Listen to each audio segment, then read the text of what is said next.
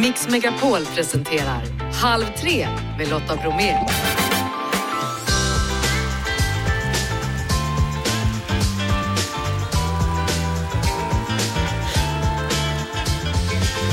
Hallå där och varmt välkommen in i Halv tre-studion. Denna dag med ett strålande solsken utanför fönstret. I dagens onsdagsmix, MMA. Raymond berättar om sporten som förändrade hans liv.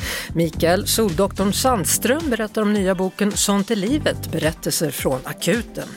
Hörrni, nu närmar sig sko, kosläppet, inte skosläppet, men kosläppet och det är ju faktiskt ett av de allra största vårtecknen. Sprit och ofredande skakar Kristdemokraterna. Och idag så tävlar bagare om titeln Ung bagare. Snacka om innehåll, nu kör vi! Idag så avgörs SM för unga bagare i Göteborg och där ska då alltså Sveriges bästa unga bagare koras. En tävling som arrangerats sedan 1990 och som är öppen för unga människor upp till 24 år. Och ett stort antal faktiskt av bageri och konditoribranschens mest kända profiler har startat sin karriär här.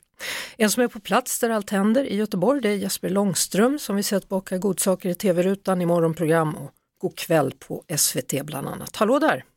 Hej Lotta! Hur är det idag, denna stora dag?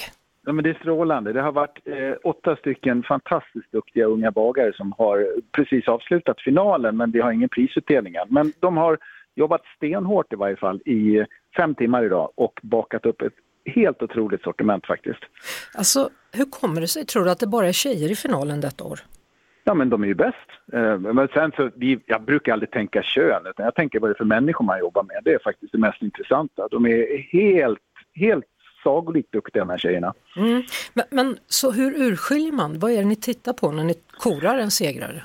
Jo, då har man en jury då av, eh, vad är det, fem eller sex personer som bedömer de olika momenten. Alltså man tittar på om bullarna är tillräckligt bakta, är det tillräckligt svårt gjort, hur smakerna, hur ser färgen ut, ser allting exakt likadant ut och så vidare. Så det är massa, massa kriterier. Så, och så måste man smaka på allting naturligtvis. Mm. Så vad har de fått eh, baka under dagen då? Ja, under dagen så har man då gjort eh, eh, kuvertbröd, man har gjort matbröd, man har gjort eh, kavlade degar som vi säger, det är både brioche och wienerbröd kan man säga. Sen vetebröd, alltså klassiska bullar helt enkelt, och ett skådebröd. Och få fram det här på fem timmar, det är väldigt, väldigt avancerat. Men bakelser är inte med i det här. Nej, det här är bagare. Bagare drar vi gränsen, men det är bagare och konditorer, det är två olika yrkeskategorier egentligen. Så att man drar gränsen vid gästen. Bagarna använder jäst och surdeg och sånt, det gör inte konditorerna. Och vad händer om någonting inte börjar jäsa? Då är det kris va? Ja, då, då har man glömt det eller man har haft i för mycket socker eller salt eller sånt där och då blir det inget roligt att tävla. Då brukar man bli väldigt ledsen och visst händer det olyckor ibland, det gör ju det. Eh, så vad vinner man? Ja, eh, nu vinner man framför allt eh, ära och berömmelse, man vinner ett stipendium och man vinner en plats i juniorbagarlandslaget. Vi har ett väldigt framgång, framgångsrikt sådant i Sverige. Eh, De kom eh, senast nu tvåa i Taipei här för några veckor sedan faktiskt, i VM. Ja, och sen får de åka ut och tävla då? Ja, då tävlar man. Det är, det är precis som vilken sport som helst. Man, man tränar och tävlar och kämpar och funderar och, Ja. och förbereder sig väldigt mycket. Eh, ni ska ju ha prisutdelning alldeles strax då och om ungefär en timme då så kommer vi prata med vinnaren av SM Unga bagare för detta Det år. Då. stämmer. Ja, Ja. Jag tänkte bara, har du något bra baktips till våra lyssnare i största allmänhet som du kan dela med dig av? Ja, n- när man bakar så behöver man ta tid på sig. Det tar tid. Det är inte mycket jobb, men man behöver ta tid. Då blir det alltid godast, oavsett vad man bakar. Så förbered sig, mät noga, eller vill säga väg noga och ta tid på dig. Vad bra tips du! Ja, Ja, jag tackar för dem. Halv tre med Lotta Bromé på Mix Megapol. Hörrni, ikväll så börjar en ny dokumentärserie på SVT2 där vi kommer få följa berättelsen om MMA-fighten Raymond Johansson som nu är med mig i studion. Välkommen hit! Tackar. Men att du idag är MMA-fighter, det var ingen självklarhet egentligen. Nej, det har det väl inte varit. Men det är en dröm jag haft sedan jag var liten. Eh, Men det var ingen som skulle tillåta mig att börja i någon kampsport. Nej, du kommer ju från Nyköping då och tillhör den romska gruppen Resande folket och växte upp i ett ganska oroligt hem då med föräldrar som hade tungt bagage och missbruksproblematik. Ja. Eh, Men när du var liten då, då kanske du inte hade så mycket att jämföra med. Vad tänkte du då? Eh, hur menar du jämföra? Alltså trodde du det skulle vara så då eller visste du att man kunde I, leva på ett annat sätt? Ibland är det väl klart att man såg andra inte ha det som jag hade det men samtidigt så blir det ju en normalisering när man är inne i det själv. Så det är väl först när man klivit ut från det som man börjar se att okej, okay, det kanske inte var så normalt då. Mm. Det är ju en ganska tuff start på livet för dig då med många barnhem, fosterhem och institutioner. Hur, hur, hur ja. tänker du på det idag? Och hur var det då? Hur kändes det? Alltså då så var det väl, eh, man var väl väldigt arg på världen som liten. Eh, det var jag mot hela världen. Eh, väldigt ensam och tvingades väl vara stark i mig själv och det blev väl ett försvar mot allt och alla då. Jag lyssnade på en podd med Morgan Alling och Sebbe Stax där han förklarar sitt liv och också, som också har flyttat runt på fosterhem och där. Och han berättar att man har blivit lite som en kameleont i och med att man fått flytta runt, träffa olika människor och jag instämmer med det faktiskt. Mm. Hur, hur, gick det med, eh, kunde du vara annorlunda eller följde du dina föräldrars mönster med missbruk? Och så? Nej, självklart så har jag inte varit något änglabarn eller självklart, men jag har inte varit något änglabarn utan jag har också haft mina problem och men jag har aldrig sysslat med något missbruk utan det var väl mer att jag var väldigt bråkig och utåtagerande och ja. Och sen träffade du en man då som heter Bagaren. Yes. Ja. Och, och det här kommer att bli då en vändpunkt för dig. Vem, vem var Bagaren? Bagaren var en tränare på MMA-klubben som jag egentligen bara testade på för en kompis gick där. Jag eh, hade tränat boxning sedan tidigare. Och eh, träffade Bagan. Han och jag började köra boxning tillsammans. Han ville få över mig till MMA, vilket jag inte jag tyckte inte om det här med MMA från början. Utan jag var en boxare. Träffade även hans dotter, eh, vilket var någonting som han pushade för. Och han var någon som sen fick ta, sig, ta mig under sina vingar. För jag fick, var tvungen att flytta hem till honom. Jag blev utkastad från ett tidigare hem. Ja, han blev väldigt mycket för dig. Han blev både en mentor och en fadersfigur. Kan man ja, säga så? ja det, det, skulle man kunna göra absolut. Uh, det var väl först i efterhand som jag verkligen förstod hur mycket den här människan har betytt för mig. Och fortfarande betyder? Ja, och han lever vidare i mina barn. Han är morfar då till mina barn. Ja, för det blev en kärlekshistoria sen så småningom också. Det blev en kärlekshistoria. ja. eh, så han har både varit min coach, mentor, eh, svärfar, morfar till mina barn. Ja, väldigt mycket. Här börjar då en ny tid för dig då i fightingvärlden. Men ska vi börja först och förklara kort vad MMA betyder? MMA står för Mixed Martial Arts och är alltså en, från början en blandning av alla kampsporter kan man säga. Och, eh, ja. ja. och du ville från början egentligen boxas men sen så fick bagaren dig att förstå att det här kanske är någonting. Ja absolut. Vad var det som hände inom dig när du förstod det? Från början så vill jag säga att boxningen har funnits i min familj väldigt länge. Eh, vi ser det lite som en gentlemannasport. Ja, boxning liksom klassiskt. Eh, och MMA är väl kanske, om man ser på det så kanske man tycker att det är lite brutalare. Det ser brutalare ut. Eh, men det är så mycket mer. Det är liksom brottning, det är sparkar, det är så mycket tekniker och ja, jag fastnade för det. Liksom. Han fick mig att öppna ögonen för det. Mm. Du, du, har pratat om en animalisk sida som kommer ja. fram i dig när du går ja. in i den här buren. Ja. Det låter hårt. Ja, men det är en hård sport och jag tänker också visst det kan låta brutalt men där inne så är vi ju jag är där för att slå min motståndare helt enkelt och han är där för att slå mig så ja, man får vara brutal och efteråt så ger vi varandra en stor kram och tackar för fighten. Och... Ja, jag har märkt det. Alltså jag har umgåtts några gånger med The Mauler, alltså ja, ja, Alexander, Alexander. Ja. Han är också en oerhört mjuk människa. Ja. Man, man, tror ju liksom att det är världens tuffaste, men det är inte alltid så. Nej, alltså jag känner väl att man är kanske mjuk på utsidan och tuff på insidan. Man får ju väldigt mycket själv, självkänsla med sport och framförallt kampsport. Få disciplin och ja, mm. tror man blir säker i det. Uh, det var ju alltså inte bara bagaren då som blev en viktig person för dig. Du är ju idag då gift med hans dotter Felicia och ni har två barn ihop. Mm. Hej Felicia. Förlåt? Hej Felicia. Hej Felicia. Eh, hur tänker du kring deras uppväxt när du ser tillbaka på din egen? Ja, det, det, måste jag säga att det har varit en väldigt, det har varit väldigt konstigt att se framförallt min son Leon och se han växa upp, se hur liten han faktiskt är och så kommer jag tänka på mitt egna liv, vad jag var i hans ålder och jag tyckte jag var jättestor och jättevuxen och jättegammal och så är man så liten egentligen. Det har varit svårt för mig att förstå, liksom, för jag tycker han, han är 11 år idag och jag tycker han är jätteliten och när jag var 11 så hade jag varit med om både det ena och det andra. Är du en bra pappa? Det är du säkert, med tanke på vad du har varit med om, tänker jag. Jag tycker att jag är en bra pappa om jag får säga det själv. Jag kanske ibland kan vara lite för sträng, eh, men jag gör det med ett öppet och gott hjärta.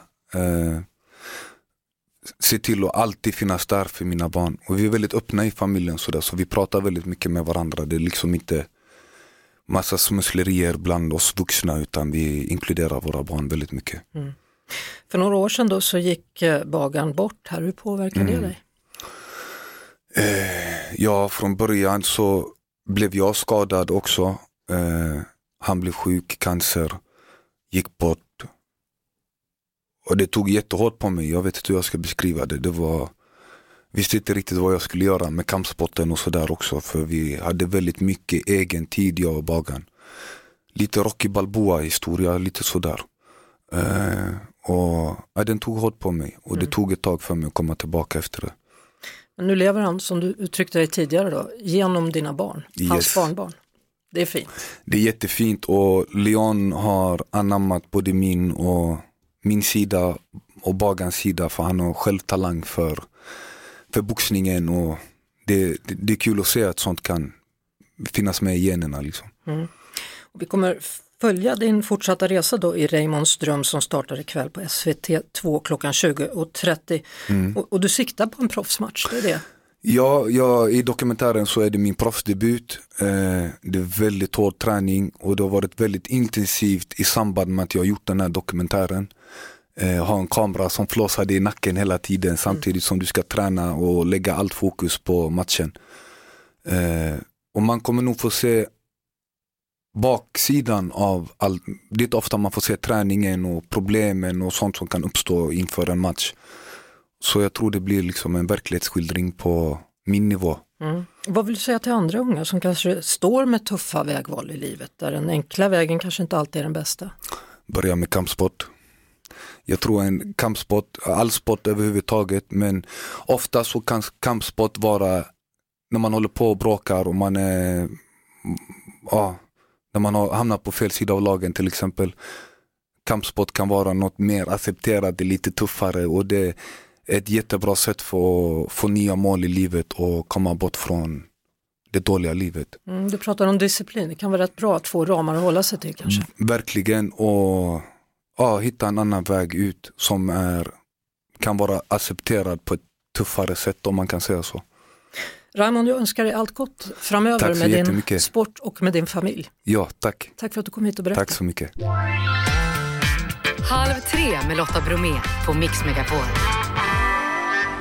Jag säger varmt välkommen till Mikael Soldoktorn Sandström. Tack så mycket för det. Hur är läget? Läget är gott, lite avslagen sådär men på gott humör. ja, det var ju releaseparty igår ska vi säga för din nya bok då, Sånt är livet. Precis, så det var riktigt kul. Ja, berättelser från akuten. Eh, jag, jag, tänkte att ska vi börja med att klara av elefanterna i rummet? Ja, absolut, ja. det gör vi. Här kommer nummer ett. Hur många gånger har folk frågat dig om varför du är så brun? Eh, ja, det är tiotusentals gånger. Hur ofta har du svarat på den frågan? Eh, om jag tror att samtalet ska bli längre än 30 sekunder så svarar jag, annars så kommenterar jag inte alls. Du har ju ett helt kapitel faktiskt i boken som handlar om det här. Ja, det är ju väldigt mycket om sol och sådär och ja, det finns nog inte många doktorer som har läst så många artiklar om UV-strålning som jag har. Apropå rostat, hur mycket får man sola egentligen heter kapitlet och det där är ett citat av Peter Jihde tydligen. Ja, precis också, som var vi nämnda releaseparty igår vid god vigör, lite blek var han dock. Men... Ja, men det var så att du satt i tvn och sen så när folk började ringa och säga hur kan ni ha en läkare som är så eh, solbränd som sitter och pratar om hälsa. Du åkte hem och sa upp dig. Ja, jag, jag gjorde det på vägen hem faktiskt. Det var, det var, och skälet till det var bara att att jag kan hantera mina egna bekymmer men jag trodde att jag eh, drog ner Tildes och Peters insats också så då ville inte jag låta att det skulle stänka över på dem så att säga. Så då, då kan det vara, tänkte jag. Hur, hur är det med, med Soldoktorn? Det står ju faktiskt det på boken. Kan man döpa om sig och ha det som mellannamn eller hur funkar det? Nej, det, ja, det vet jag inte. Jag har inte, jag har inte gjort det själv. Utan, men om, någon, om du frågar någon, så här, vem är Mikael Sandström? Ja, så låter bekant. Kan inte. Ja, så frå- doktor Mikael har kanske lite mer, Soldoktorn vet alla vem det är. Så att det har med, med det att göra helt enkelt. Nu tar vi tag i den andra elefanten då. Hur är det med Lotta? Är ni fortfarande kära och galna? Ja, vi var det i morse i alla fall. Jag, jag, jag har en rolig historia om det där. Som, eh, jag mötte en gubbe ute i skogen eh, och jag var ute med hunden och så, så, så frågade han om jag var ny här på orten i, i Göteborg. Och då sa jag att det var jag. Ja, det har blivit väldigt populärt här. Till och med Lotta Engberg har flyttat hit. Sa han. Jaha, sa jag då. Ja, då var det henne jag såg i sovrummet i morse. Då. Sa du det? Ja. ja, alltså så här då. Du, du är ju narkosläkare och intensivvårdsspecialist. Och jag tänker att det är väl ändå ingenting man tänker när man är liten, att det är det jag ska bli när jag blir stor. Nej, det tänker man inte, utan då sysslar man med idrott. Så jag tänkte jag skulle bli idrottsläkare eller ortoped eller någonting som sysslar med idrottsskador, för jag tyckte det var lätt kul. Så det var i alla fall eh, läkare du ville bli, det var inte fotbollsspelare själv då? Nej, absolut inte. Nej, jag har inte haft några sådana drömmar alls, utan jag har ju spelat fotboll naturligtvis, men jag har nog känt min egen begränsning därvid lag.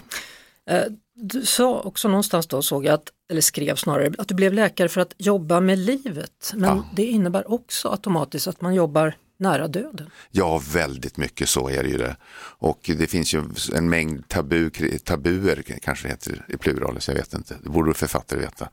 Eh, med vad det gäller döden och sådär. Eh, men det är en del av livet, i alla fall vårt förhållningssätt till det. Jag tycker det är bra att prata om och jag tycker det är spännande.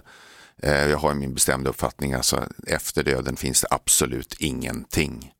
Eh, Det är min gr- grundinställning så det gäller att passa på att göra saker nu istället eller hjälpa andra överleva. Det är ju så här när man, är, när man är sjuk så vill man bara bli frisk men när man är frisk vill man ha hela världen.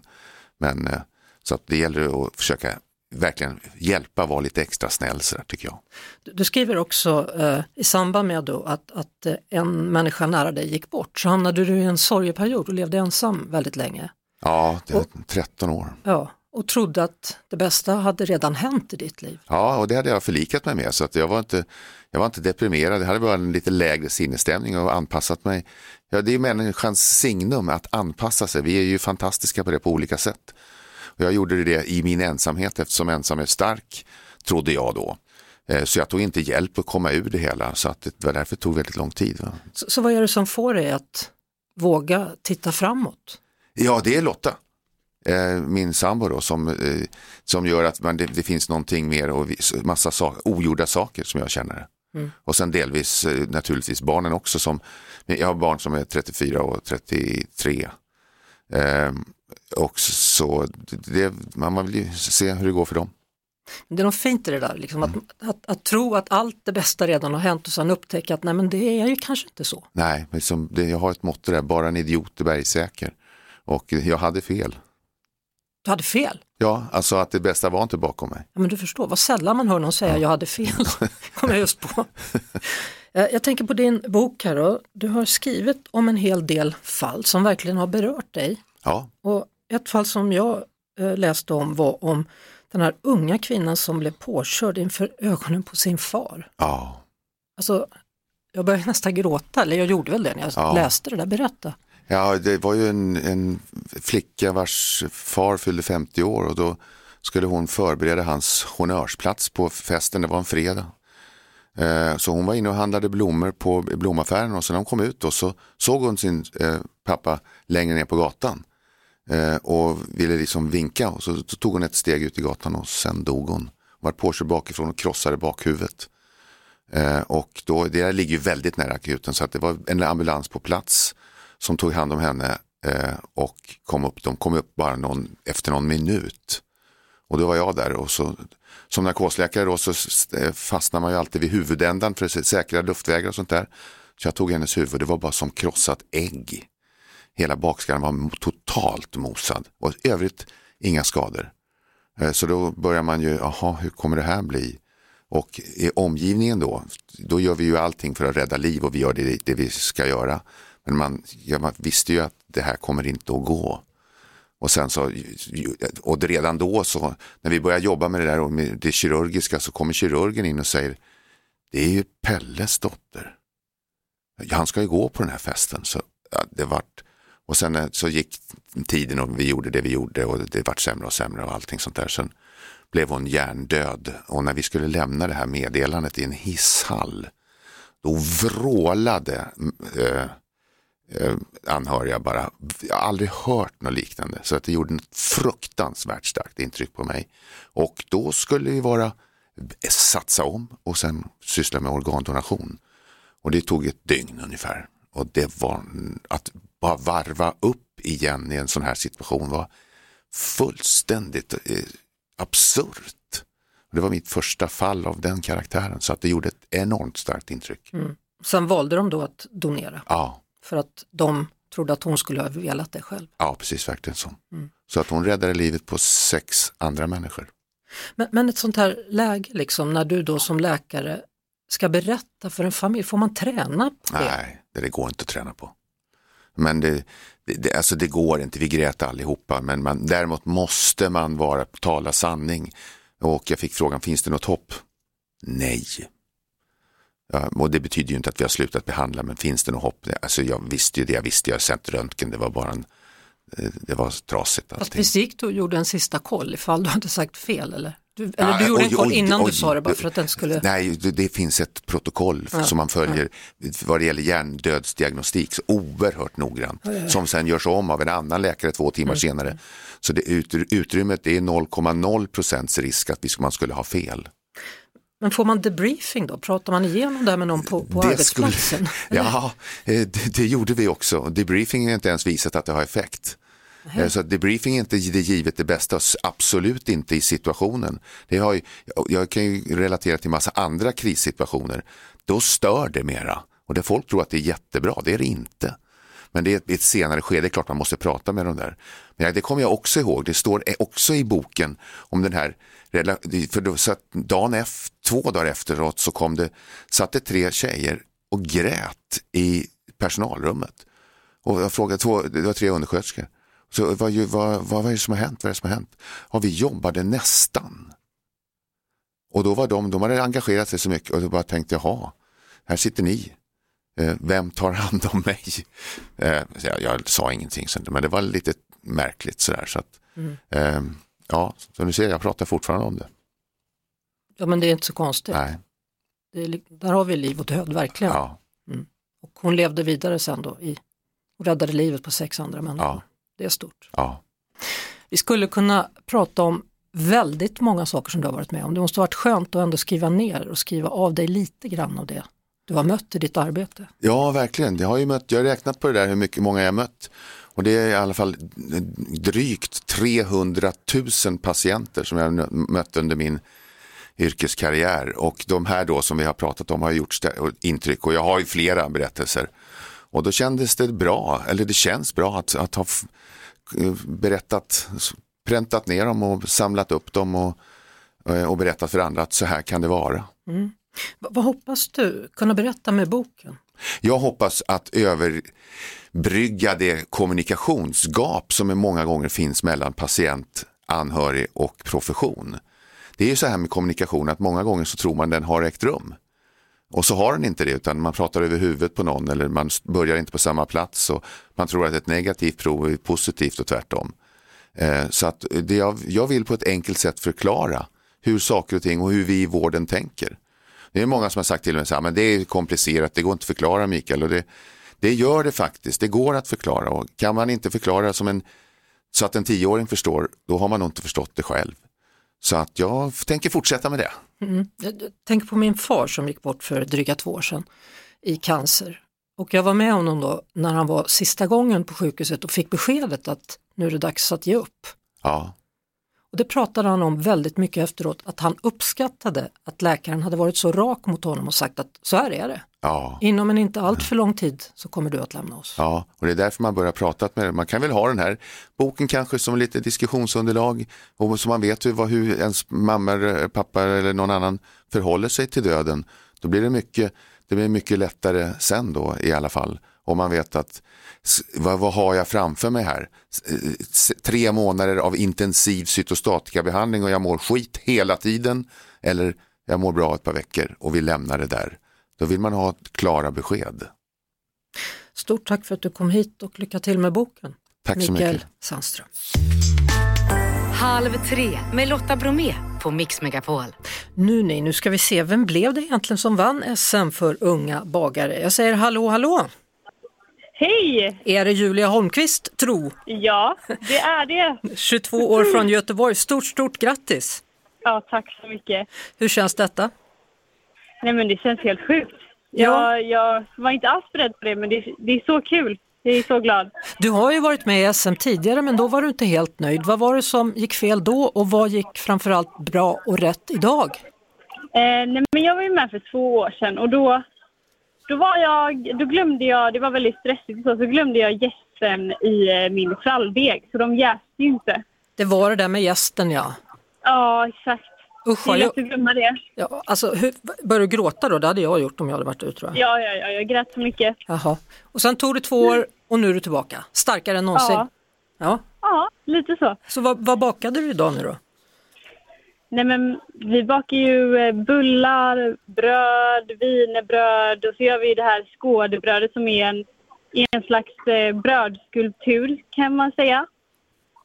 Så det, det är mycket att göra och så gör man det på fem timmar.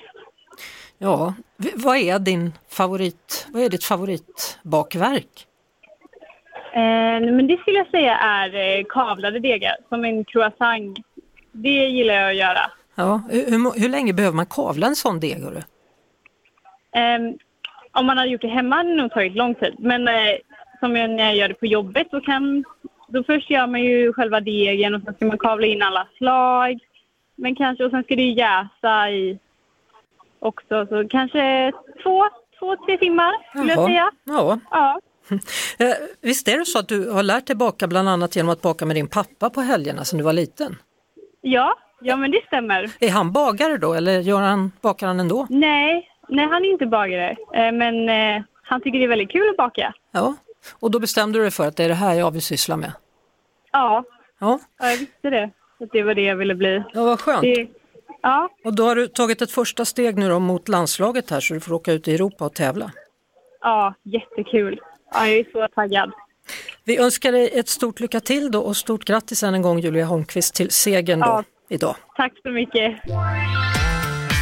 Halv tre med Lotta Bromé på Mix Megapol. Hörrni, igår eftermiddag så blev det turbulent och Kristdemokraterna plötsligt från ingenstans meddelade att partisekreteraren Johan Ingerö slutar. Ingen förklaring förrän efter en stund då han själv skrev om varför på sin Facebook-sida. Niklas Svensson, Expressen, vad är det egentligen som har hänt?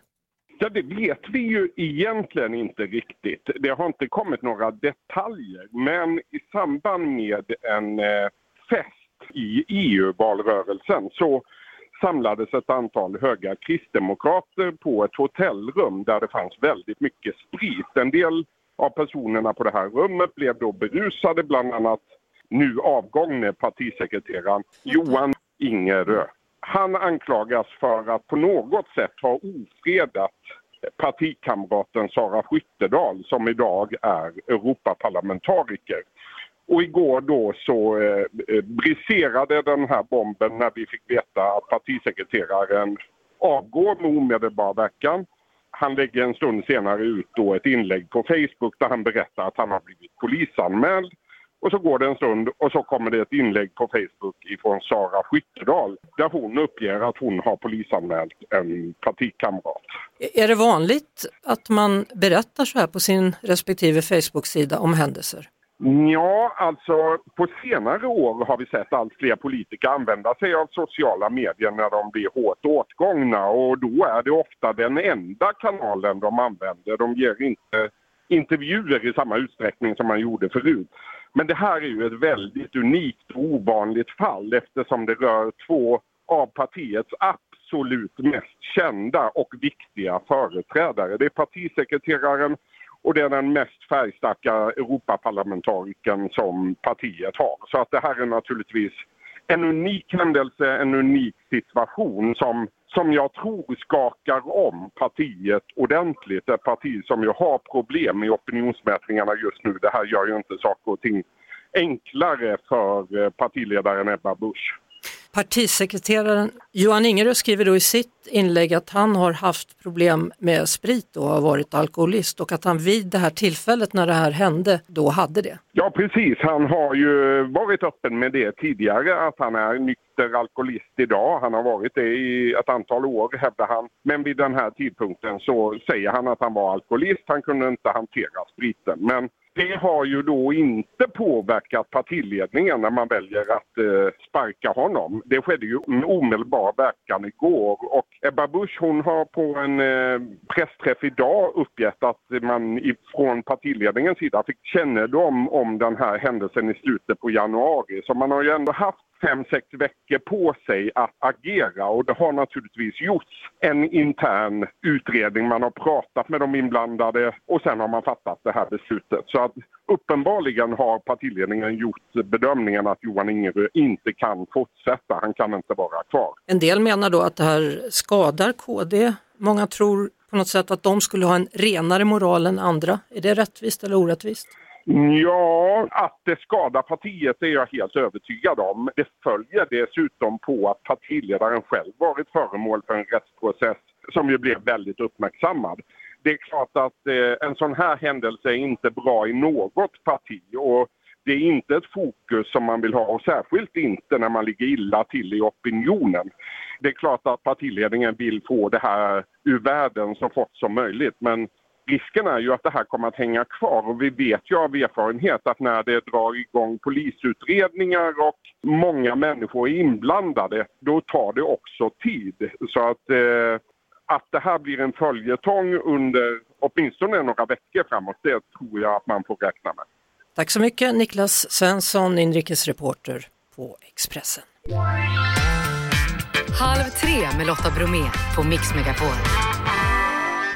Klockan är sex minuter över 16 och jag tänkte att jag skulle berätta hur och vem som är med i det första avsnittet av podden Vem snackar med Lotta?